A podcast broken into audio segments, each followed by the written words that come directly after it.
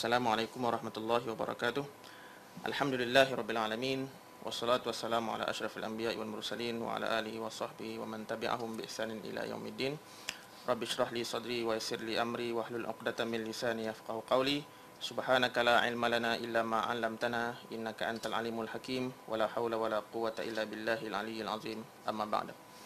Uh, tuan-tuan dan puan-puan, insya-Allah uh, pada petang ni uh, saya akan membentangkan uh, satu tajuk uh, iaitu samak kulit dan aplikasinya pada zaman moden. Uh, kita mungkin uh, biasa dengar uh, tentang penggunaan kulit uh, kulit binatang uh, untuk dijadikan produk sama ada pakaian ataupun uh, barangan beg dan sebagainya kasut uh, dan sebagainya lah. Jadi uh, dari segi hukum fiqahnya bagaimana? Dan apakah uh, proses ataupun bahan-bahan yang selalu digunakan uh, dalam uh, perbicaraan ataupun perbincangan uh, para ulama fiqh pada zaman dahulu tentang samak kulit ini dan juga yang paling penting sekarang ni kita nak tengok aplikasi samak kulit itu di zaman sekarang. Adakah sama ataupun ada perbezaan ataupun bagaimana? Jadi insyaAllah saya akan membentangkan tajuk samak kulit dan aplikasinya pada zaman moden. Uh, untuk makluman tuan-tuan dan perempuan, uh, kertas kerja ini sebenarnya hasil daripada penyelidikan uh, yang telah dijalankan oleh uh, tim saya yang diketuai oleh uh, Ustaz Muhammad Mahyudin bin Muhammad Saleh sebagai ketua, uh, saya sebagai ahli dan seorang lagi uh, Encik Mustafa Afifi bin Abdul Halim. Uh, research ini telah mendapat geran daripada USIM uh, sebanyak RM5,000 iaitu atas uh, geran uh, Green Shoot yang diberikan kepada pensyarah-pensyarah uh, terutama pensyarah uh, baru uh, untuk menggalakkan mereka menjalankan uh, satu penyelidikan. Jadi um, Al-Fadhil Ustaz Muhammad Mahyudin ni telah pun uh, memohon geran tersebut dan dapat alhamdulillah. Jadi tajuk yang uh, di uh, di apa dijalankan pendidikan tersebut ialah model samak kulit menurut perspektif Islam dan aplikasinya dalam industri halal di Malaysia. Uh, untuk uh, research ni ia hanya fokus kepada samak kulit saja ataupun penggunaan kulit.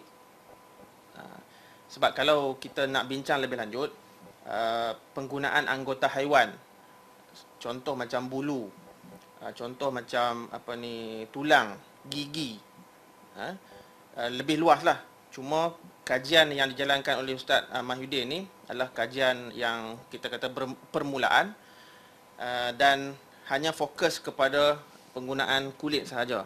Terutama dari segi proses samak itu. Macam mana proses samak kemudian digunakan untuk uh, uh, kegunaan uh, peribadi. Baik. Uh, untuk makluman tuan-tuan dan perempuan juga, uh, hasil daripada uh, penyelidikan ini uh, telah pun menghasilkan satu kajian lanjut uh, yang akan memfokuskan uh, lebih daripada kulit.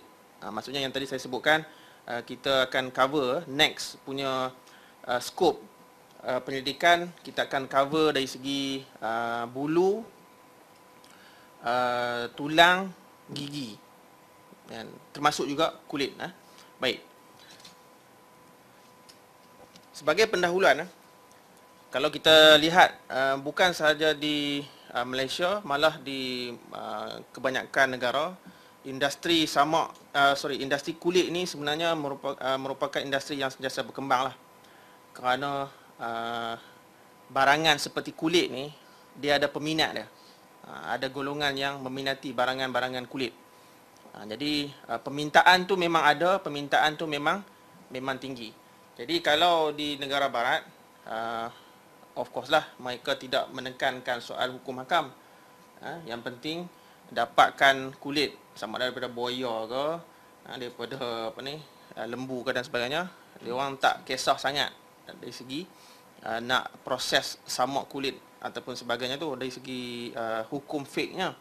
Tetapi kita sebagai umat Islam ni uh, perlulah uh, menjaga hukum hakam uh, bukan sahaja dalam uh, soal ibadat tetapi juga uh, dalam penggunaan uh, contohnya macam uh, kulit binatang ni kalau kita nak gunakan untuk uh, kegunaan peribadi. Baik.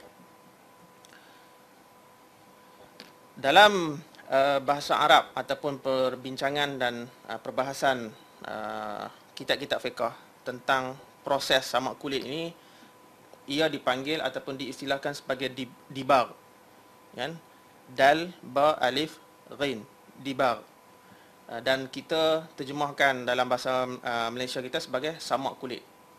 Uh, dari satu segi ia kadang-kadang agak mengelirukan sebab ada satu lagi istilah samak yang kita gunakan tapi samak hasil daripada tersentuh uh, najis mughallazah iaitu anjing ataupun babi.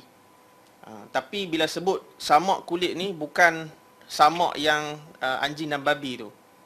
Uh, kalau dalam uh, samak najis mughallazah itu uh, ia ada istilah uh, uh, yang yang lebih khusus uh, yang dipanggil sertu. Kan? Ia adalah bahasa Indonesia uh, asalnya dipanggil sertu. Uh, jadi uh, kalau samak sahaja kan dia lebih kepada uh, proses untuk menyucikan kulit. Kan? Mungkin rasa saya kita boleh uh, cadangkan uh, istilah baru untuk proses pembersihan ataupun penyucian kulit ni. Mungkin kita boleh istilahkan balik, basuh kulit uh, ataupun culit, cuci kulit. Kan? Uh, jadi uh, mungkin itu cadangan lah kan. Sama ada nak diterima ataupun tak, itu boleh dibincangkan. Baik. Jadi kita tengok dari sudut uh, maksud ataupun definisi uh, samak kulit ataupun yang dalam bahasa dipanggil dibar dibar ialah proses bagi menghilangkan baki lemak dan kotoran al-fudul ataupun lebihan yang terdapat pada kulit di mana kalau tidak dibuang kekotoran ataupun lebihan tersebut maka kulit akan menjadi rosak ataupun uh, busuk ataupun musnah. Ya, ini yang didefinisikan oleh ulama-ulama fiqh contoh macam al-Imam Asy-Syarbini. Baik. Kita faham sekarang ni uh, samak kulit itu ataupun dibak itu ialah proses kita membasuh ataupun uh, membersihkan uh, kulit binatang uh, untuk tujuan kegunaan itulah sama ada kita nak buat beg ke pakaian ke dan sebagainya so kita buang segala lendiran-lendiran segala kekotoran-kekotoran ataupun lebihan-lebihan daging ataupun bulu yang masih melekat ke uh, apa uh, yang ada atas kulit tersebut. Baik. Uh, dalam hadis Rasulullah sallallahu alaihi wasallam uh, terdapat sebuah hadis uh, riwayat Muslim apabila Rasulullah sallallahu alaihi wasallam bersabda iza dubiral ihabu faqad tahura. Yang bermaksud apabila kulit binatang apabila kulit binatang telah disamak maksudnya telah dibasuh telah dicuci telah dibuang segala lendiran ataupun kekotoran-kekotoran itu maka kulit itu akan menjadi suci ataupun bersih dan boleh digunakan. Baik. Uh, dalam pembentangan ini saya tak akan menyentuh uh, mengenai uh, jenis-jenis binatang ataupun kulit-kulit binatang uh, yang halal dimakan ataupun tidak halal dimakan kerana saya akan lebih fokus kepada uh, proses uh, penyucian ataupun proses pembersihan kulit tersebut. Baik. Daripada hadis inilah Uh, menjadi kita panggil sandaran uh, kepada ulama-ulama fiqh terutamanya uh, untuk memberi garis panduan bagaimana nak menyucikan apa ni kulit binatang. Dalam hadis ni memang Rasulullah wasallam tidak menyebut langsung bahan ataupun proses ataupun cara untuk membersihkan kulit tersebut. Rasulullah hanya sebut bila kulit tu dibasuh, dicuci, maka ia suci untuk digunakan. Itu saja. Nanti kita akan tengok secara uh, lanjut apakah bahan-bahan yang digunakan ataupun proses yang di, dibuat untuk membersihkan kulit. Jadi hadis tersebut secara umumnya menunjukkan bahawa kulit haiwan ni, kulit binatang ni sama ada uh, bangkai ataupun tidak bangkai, ia maksudnya yang disembelih secara syar'i ataupun tidak boleh menjadi suci dengan proses samak tadi. Jadi uh, kalau ikut jumhur ulama mengatakan uh, proses samak ini akan menyucikan semua jenis kulit. Sama ada binatang itu boleh dimakan ataupun tidak dimakan. Uh, cuma uh, mazhab Syafi'i dan sebahagian Hanafiah uh, memberikan pengecualian kepada dua jenis kulit iaitu kulit khinzir dan anjing di mana kedua-duanya yang najis mughallazah ni tidak menjadi suci walaupun telah disamak. Ada juga pandangan yang mengatakan kulit anjing dan kulit babi uh, boleh digunakan ataupun boleh disamak untuk digunakan. Uh, ini mungkin pandangan yang kita kata uh, yang syaz lah ataupun uh, yang uh, tidak popular di kalangan para ulama fiqhan. Baik. Sekarang ni kita nak lihat uh, bahan-bahan yang selalu digunakan uh, zaman dahulu. Uh, tadi saya dah sebut dalam hadis Rasulullah SAW tidak menyebut langsung uh, bahan ataupun cara proses uh, untuk membasuh ataupun uh, menyucikan kulit tersebut. Ini uh, bahan-bahan ataupun proses yang saya akan sebut di sini ialah yang kita uh, kaji ataupun yang kita lihat dalam kitab-kitab uh, fiqh. Baik. Jadi para ulama telah uh, bersepakat bahawa samak kulit boleh dilakukan dengan menggunakan sebarang bahan yang boleh menyampaikan ataupun yang boleh sampai maksud penyucian ataupun pembersihan uh, kulit tersebut. Kan? Uh, contoh uh, macam Ibnu Abidin berkata sama proses sama ha, ialah apa yang menghalang kulit daripada rosak dan juga musnah. Jadi apa saja bahan yang boleh digunakan uh, untuk menghalang kulit itu daripada uh, rosak ataupun musnah maka ia dibenarkan selagi mana halal lah. Ha? Begitu begitu juga Ibnu Abdul Bar uh, berkata uh, para ulama Malikiyah berpendapat uh, pada qaul yang masyhur setiap benda yang boleh digunakan untuk samak seperti garam, kapur dan tawas maka boleh ataupun harus dimanfaatkan benda-benda tersebut untuk digunakan dalam proses uh, samak kulit tersebut. Baik.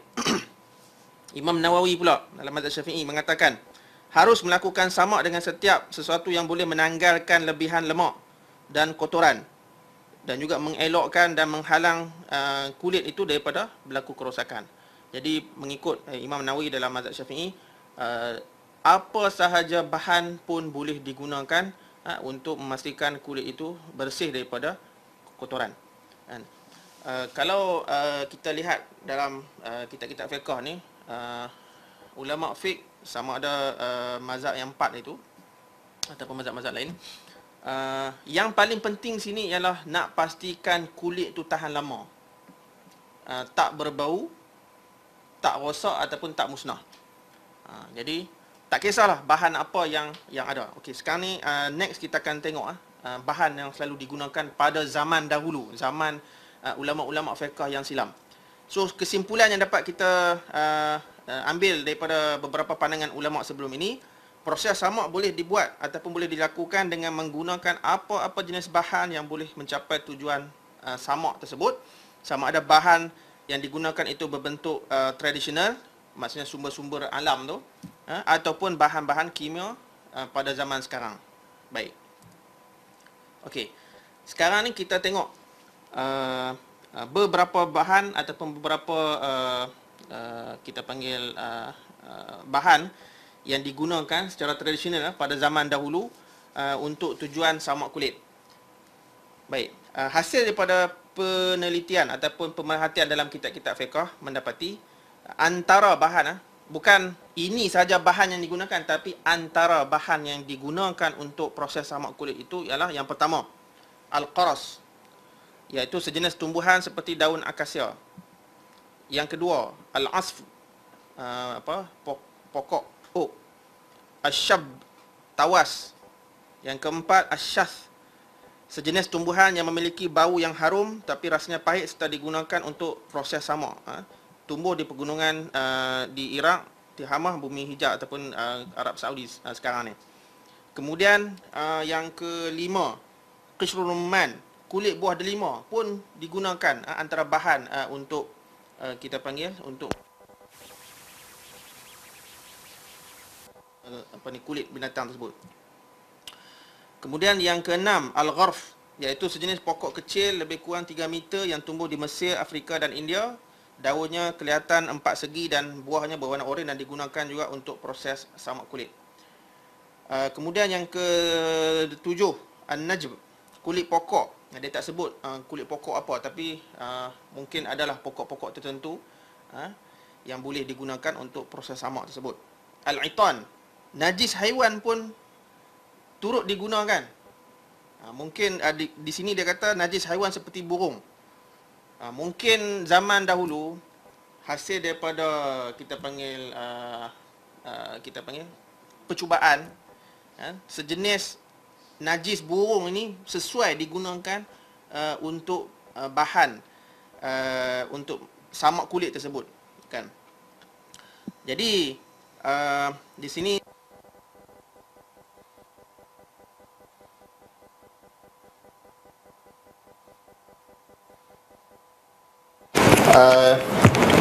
zaman dahulu uh, ada para ulama ataupun uh, orang yang menguruskan proses samak ni turut menggunakan najis haiwan. Seperti burung digunakan uh, tujuannya ialah apa? Untuk memastikan kulit binatang itu tidak berbau. Baik. Kemudian yang seterusnya asirf pewarna. Kalau di sini pewarna merah juga digunakan ha, sebagai bahan untuk uh, membersih ataupun membasuh sama uh, membasuh kulit tersebut. Dan yang seterusnya al-milh garam. Ha, kekuatan garam tu ha, bukan saja untuk masakan tetapi ha, ia juga turut digunakan sebagai bahan untuk samak kulit ni. Okey. Uh, tiga perkara yang berikut yang saya akan sebut ni ini bukan bahan tetapi proses cara yang tadi tu yang sebelum ni yang saya sebut apa ada tujuh ataupun lapan bahan itu itu bahan uh, yang digunakan untuk menyucikan kulit tersebut. Tiga proses berikut berbentuk cara ataupun proses.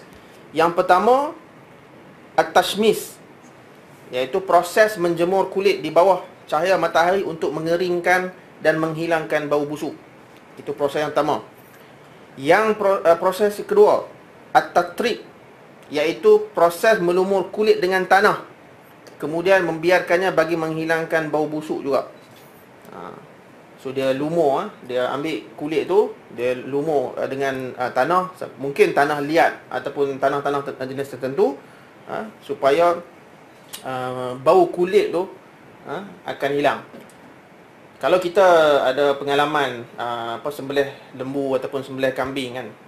So uh, kadang-kadang uh, apa tu?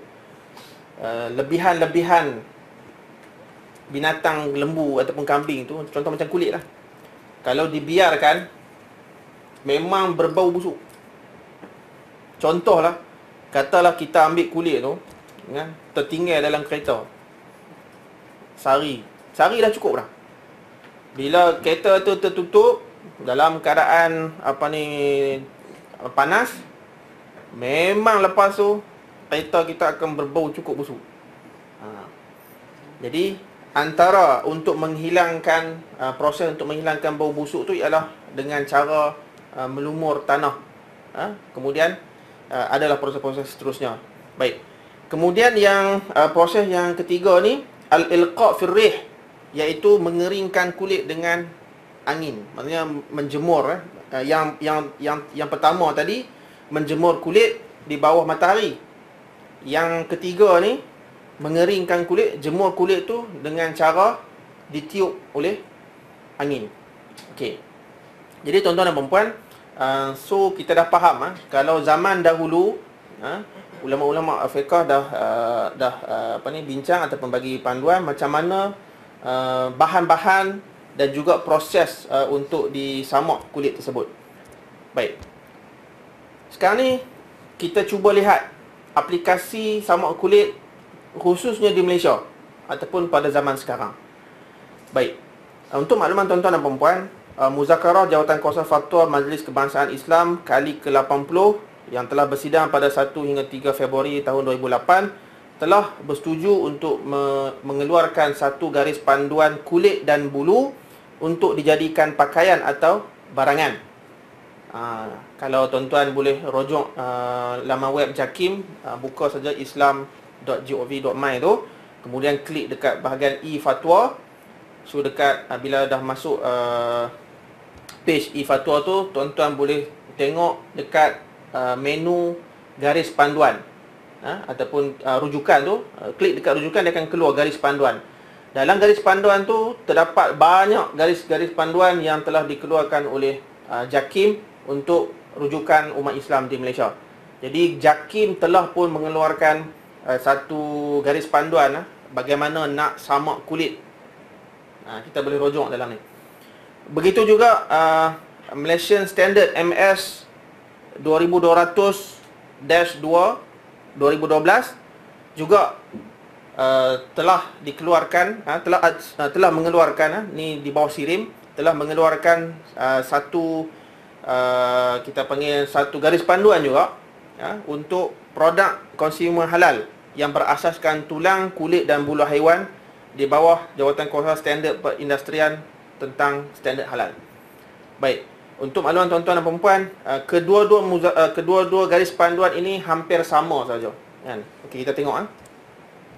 Baik. Kaedah dibar ataupun proses samak kulit menurut Malaysia Standard. Ha. Sama ada garis panduan JAKIM ataupun Malaysia Standard ni lebih kurang sama je lah. So kita tengok ah, uh, apakah proses yang dijalankan untuk samak kulit menurut garis panduan ini. Baik. Uh, terdapat beberapa kaedah penting yang perlu dilakukan semasa proses dibar uh, dijalankan iaitu yang pertama Cara menyucikan kulit binatang yang najis ataupun bangkai yang selain kulit anjing, babi, keturunan dan terbitannya adalah dengan menghilangkan segala lendir, daging dan kelembapan yang melekat pada kulit.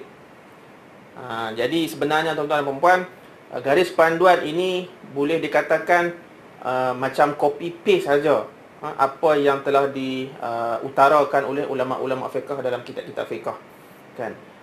Uh, sebab tadi kita dah lihat kan bagaimana uh, definisi ataupun maksud sama ialah menghilangkan kekotoran, menghilangkan lendiran ataupun lebihan-lebihan yang terdapat dalam uh, kulit binatang.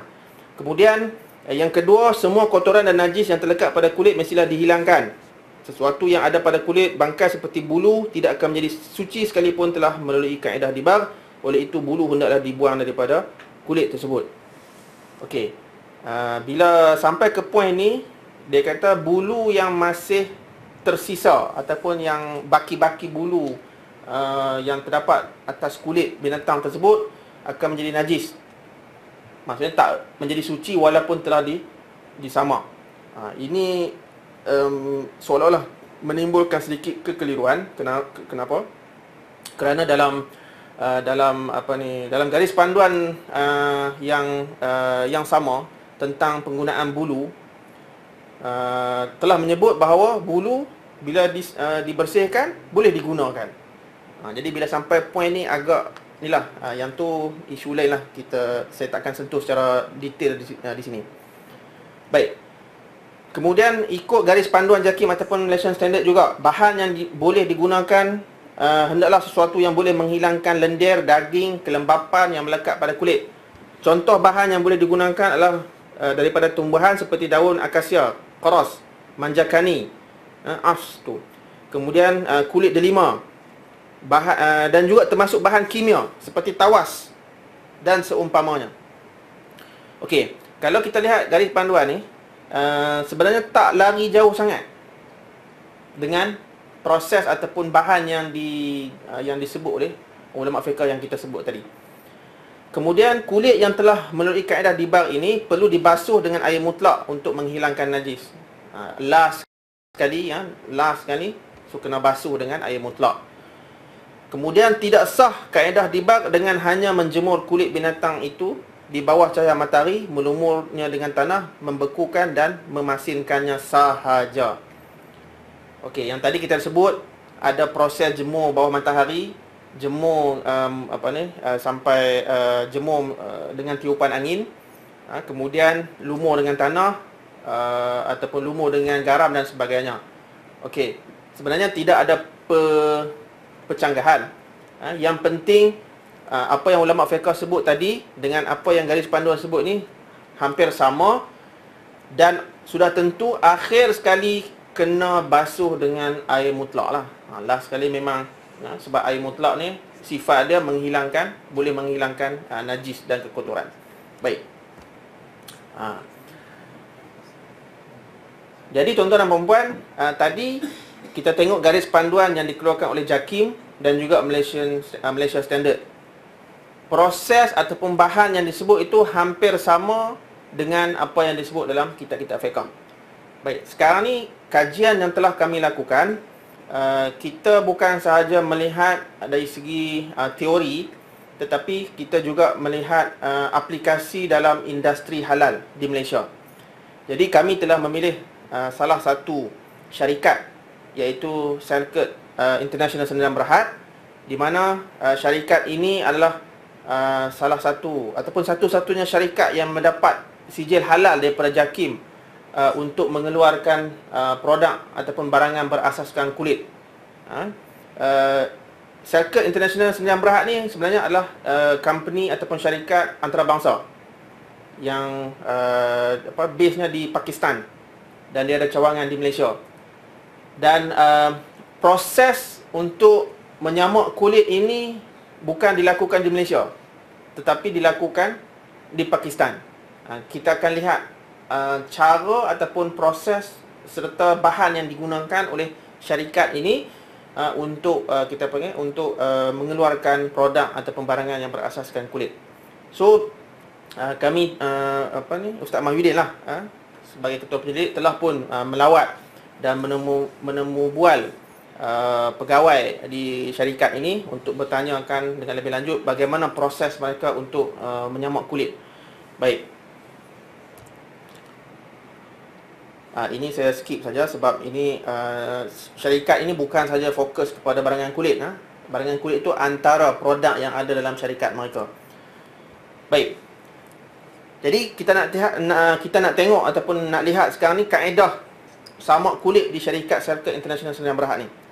Okey, secara umumnya kaedah samak kulit yang diamalkan di syarikat Syarikat International Sdn Berhad menggunakan 18 proses penting Ha, bagi mendapatkan kualiti kulit yang terbaik dan proses yang digunakan adalah seperti berikut. So saya akan buka ini.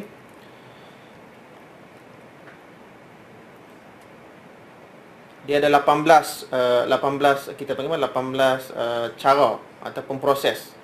Baik. Yang pertama. Proses yang pertama ialah pemilihan dan penimbangan. Uh, mereka of course lah akan memilih uh, apa ni? Jenis-jenis kulit uh, yang terbaik uh, untuk di di di uh, di diproses ataupun disamak untuk dikeluarkan produk dibuat barang kulit apa baju ke kasut dan sebagainya. Okey, jadi mereka akan memilih jenis-jenis kulit yang baik. Kemudian yang kedua proses perendaman soaking.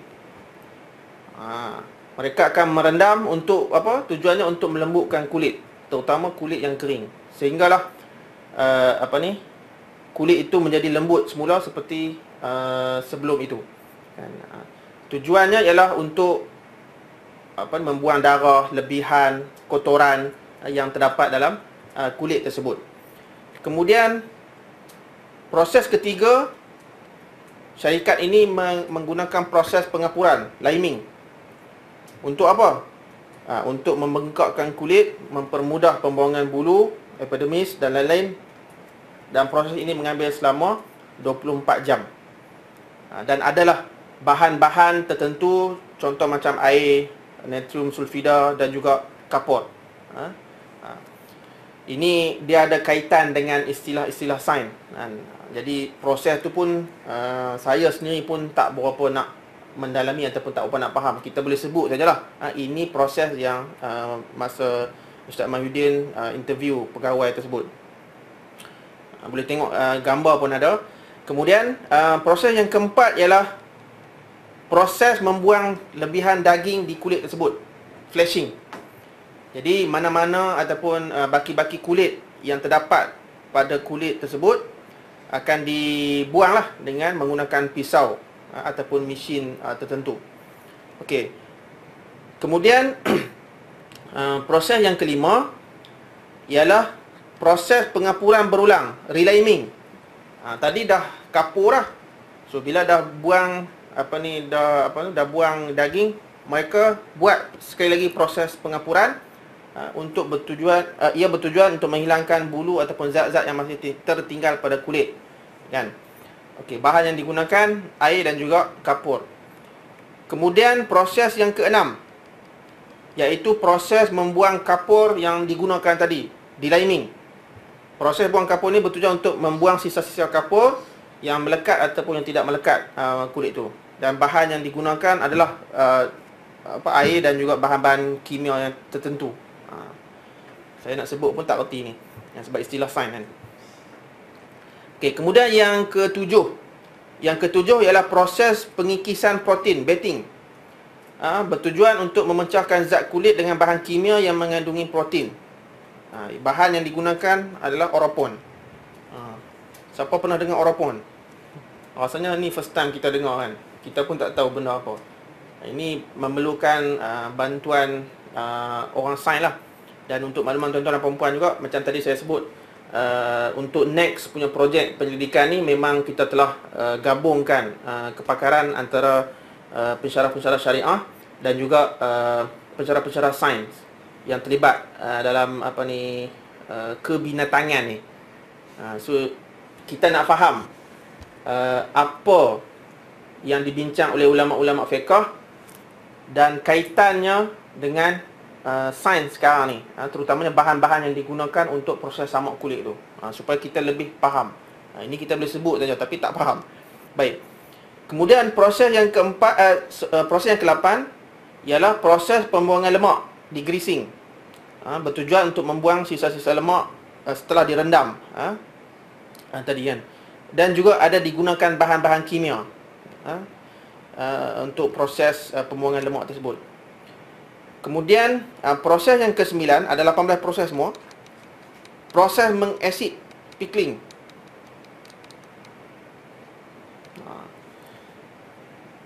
Ini proses asid ni mungkin nak bagi ketahanan ah. Nak uh, nak me, me, membuatkan kulit tersebut tahan dalam tempoh yang lama. Kemudian proses ke-10 proses penyamakan tanning iaitu bertujuan untuk uh, meng- mengelakkan kekakuan ataupun kekerasan kulit. Uh, untuk menjadikan kulit itu lembut dan tahan lama. Dinamakan tanning ha? dan juga ada juga bahan-bahan kimia tertentu yang digunakan. Kemudian proses yang ke-11 proses penggantungan aging. Ha, mungkin dah habis selesai proses pertama, so dia orang akan uh, jem, apa gantung untuk uh, jemur lah, ha, menjemur kulit tersebut, kan. Okey, kemudian proses neutralisasi untuk menetralkan asid yang berada pada kulit tersebut. Ha? Dan uh, bahan-bahan yang digunakan pun ada yang berkaitan dengan uh, bahan-bahan kimia. Okey, kemudian uh, proses yang ke 13 iaitu proses penyamakan berulang, retaining. Uh, apa nak bagi uh, lembut lagi kulit tersebut, kan? dan adalah beberapa bahan yang digunakan. Ha, saya minta maaf sebab nak sebut istilah-istilah sains tu takut tersalah sebut. Kan? Ha, jadi boleh rojok sajalah ha, ha, kertas kerja ini. Sebab ini istilah sains memang memang bukan agak asing, memang terlalu asing. terutamanya bagi kita yang dalam bidang syariah ni. Tapi bagus sebab ia menambah ilmu kita ha? so kita dapat uh, maklumat ataupun uh, uh, information yang baru okey kemudian uh, proses yang ke-14 ialah proses pewarnaan asas dyeing. Kan uh, dia juga menggunakan pewarna ha? supaya apa? Supaya nak bagi kulit tu jadi elok nampak cantik kan? Juga digunakan beberapa bahan kimia. Kemudian yang ke-15 proses peminyakan fat liquoring untuk mendapatkan kulit yang lebih tahan. Ha, contoh tak mudah terkoyak ha, yang boleh tahan terhadap tarikan ataupun gaya mekanik yang lainnya uh, untuk apa ni memastikan kulit itu tidak melekat. Uh, so dia dia ada proses uh, untuk apa peminyakan. Uh. Dan bahan yang digunakan juga adalah uh, air dan juga bahan kimia. Kemudian proses fisaksi, fisaction iaitu memecahkan emulsi minyak dan air sehingga airnya mudah menguap pada saat kulit itu dikeringkan. Ha, ini proses V-section ni pun kita pun uh, kurang arif bagaimana proses tersebut. Uh, bahan uh, yang digunakan ada ada juga uh, bahan-bahan kimia. Kemudian proses yang ke-17 uh, seperti mana yang dalam gambar tu proses pengeringan, drying. Tujuannya ialah untuk mengeringkan kulit tu bagi mengurangi kadar air yang mungkin masih ada uh, pada uh, kulit tersebut. Uh, dan untuk mengelakkan kulit itu menjadi rosak dan sebagainya. Ha, ni dia dia dia gantung ataupun dia jemur lah. Dan terakhir sekali proses yang ke-18 uh, proses ini kulit akan diberi binder, pigment, penetrator, apa ni penetrator, filler dan ini istilah sains juga kan. Ini proses terakhir sekali. Ha, proses terakhir ha, kemudian barulah kulit itu siap ha, untuk dijadikan produk pakaian ataupun kasut beg dan sebagainya. Baik.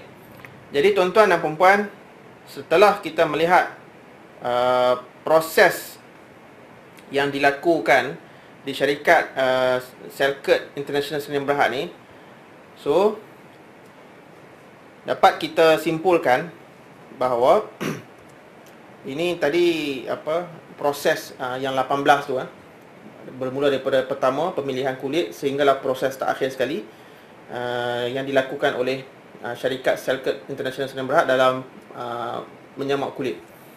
Baik. Jadi kesimpulan yang dapat kita lihat uh, hasil daripada penyelidikan yang dijalankan oleh pihak kami uh, mendapati kaedah sawak yang diamalkan dalam industri moden adalah selari dengan kehendak syarak iaitu dengan menggunakan gabungan bahan-bahan tradisional seperti kapur, air ha, di samping ha, maksudnya ada tambahan iaitu menggunakan bahan-bahan kimia ha, tertentu ha, untuk menjamin kebersihan dan ketahanan ha, kulit. Jadi ha, maklum sajalah ha, zaman sekarang zaman teknologi Uh, kita tidak hanya menggunakan uh, bahan-bahan tradisional sumber apa ni uh, asli ni tapi juga digunakan bahan-bahan kimia. Yang pertama mungkin lebih lebih murah kan dan lebih cepat berbanding kalau kita nak pakai proses uh, sedia ada ataupun sumber alam kan. Kemudian proses sama dalam industri juga dilihat menggabungkan uh, pendapat para ulama dalam isu yang diperselisihkan seperti proses apa tu uh, uh, penjemuran uh, dan sebagainya. Dan kalau kita lihat juga dalam uh, aplikasi zaman moden terutama di syarikat Selkert ni dia ada pro, ada beberapa proses tu yang diulang 2 3 kali. Uh, contoh macam tadi lah yang tanning, retaining apa semua tu kan. Uh, liming, reliming. So dia buat 2 3 kali untuk apa? Untuk lebih uh, menah apa memberi uh, daya tahan kepada kulit tersebut untuk digunakan dalam tempoh yang yang lebih panjang kan. Dan uh, proses sama yang diamalkan dalam industri moden juga lebih terperinci daripada apa yang dibahaskan oleh para ulama sebab uh, para ulama yang kita lihat dalam kitab-kitab fiqh hanya menyebut bahan ataupun proses. Uh, mereka tak perincikan A kena buat apa, B kena buat apa, uh, next apa, next level tu apa. Uh, ulama tak perincikan macam tu. Tapi kalau kita lihat uh, yang diamalkan oleh uh, apa ni syarikat syarikat international ni dia lebih uh, senang difahami sebab dia ikut step. Step pertama apa dia, step kedua, ketiga, seterusnya sampai dalam 18 step tersebut. Jadi uh, uh, industri samak kulit uh, adalah satu peluang yang boleh diterokai oleh umat Islam sekarang ni sebab kita fahamlah uh, yang menguasai ekonomi uh, kebanyakannya adalah non muslim. Jadi uh, syarikat internet uh, Selke International ni uh, kita panggil telah uh, telah uh, mengamalkan ataupun telah uh, mentatbikkan fardu kifayah uh, untuk umat Islam. Satu sumbangan yang besar lah daripada syarikat ini yang mana uh, kalau ada company-company yang lain uh, yang dikuasai ataupun dimiliki oleh umat Islam uh, untuk meluaskan uh, pasaran uh, apa ni ataupun penjualan produk yang berasaskan kulit maka kita amat alu-alukan ha? kerana ini adalah uh, fardu kifayah kepada uh, umat Islam. Sebab itulah uh, syarikat ini uh, satu-satunya syarikat yang kita tahulah uh, berdasarkan maklumat uh, yang mendapat sijil halal oleh JAKIM sendiri. Kan? Jadi uh, uh, tuan-tuan dan puan saya rasa setakat itu dahulu pembentangan saya uh, untuk kali ini uh, tentang proses ataupun uh, samak kulit dalam uh, yang dibincangkan dalam kitab-kitab fiqh dan juga aplikasinya pada zaman sekarang. Jadi apa yang baik itu datang daripada Allah, apa yang kurang itu datang daripada diri saya. Aku lu qouli hadza wa astaghfirullah azim li wa lakum wassalamu alaikum warahmatullahi wabarakatuh.